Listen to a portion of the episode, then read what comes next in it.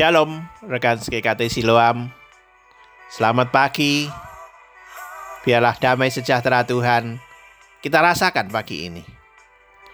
Mari kita sama-sama berdoa dan kemudian kita renungkan bagian firman Tuhan.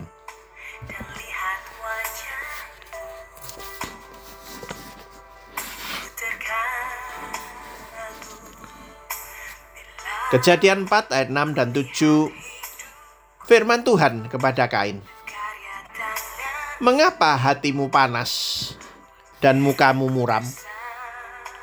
Apakah mukamu tidak akan berseri jika engkau berbuat baik? Tetapi jika engkau tidak berbuat baik, dosa sudah mengintip di depan pintu.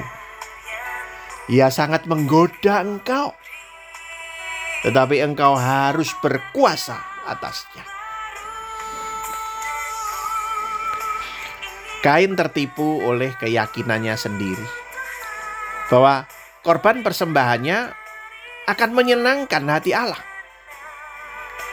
Kain adalah contoh orang yang sikap hatinya tidak benar terhadap Allah, walau ia percaya kepada Allah.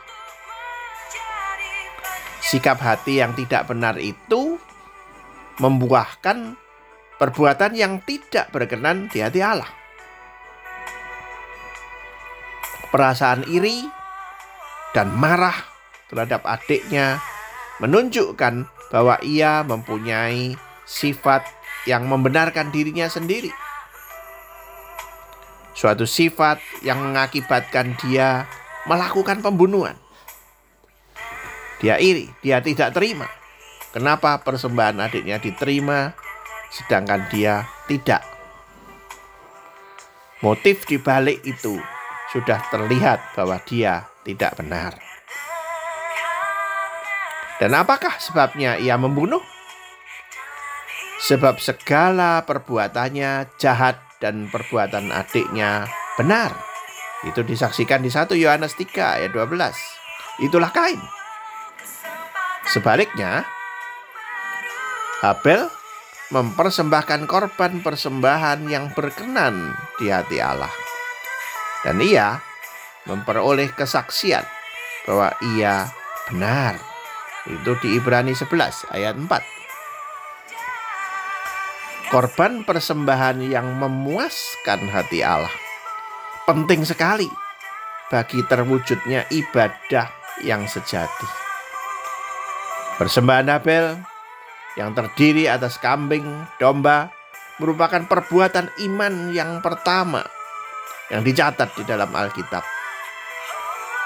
Perbuatan itu mencerminkan adanya iman bahwa Allah akan mengampuni dan pasti mengampuni orang berdosa yang bertobat dan menerimanya melalui penumpahan darah anak domba yaitu anak domba Allah, Yesus Kristus.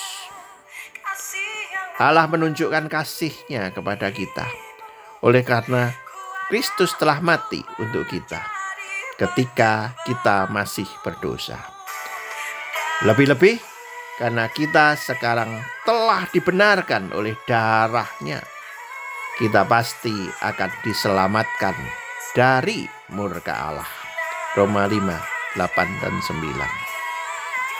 Allah sudah menyediakan satu-satunya jalan pengampunan dosa, yaitu oleh darah anaknya, Yesus Kristus.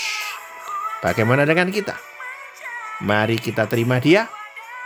Mari kita percaya dia. Mari kita bersandar dia. Dan terus-menerus taat kepadanya. Tuhan memberkati kita. Selamat pagi. Selamat beraktivitas dengan sukacita pagi ini.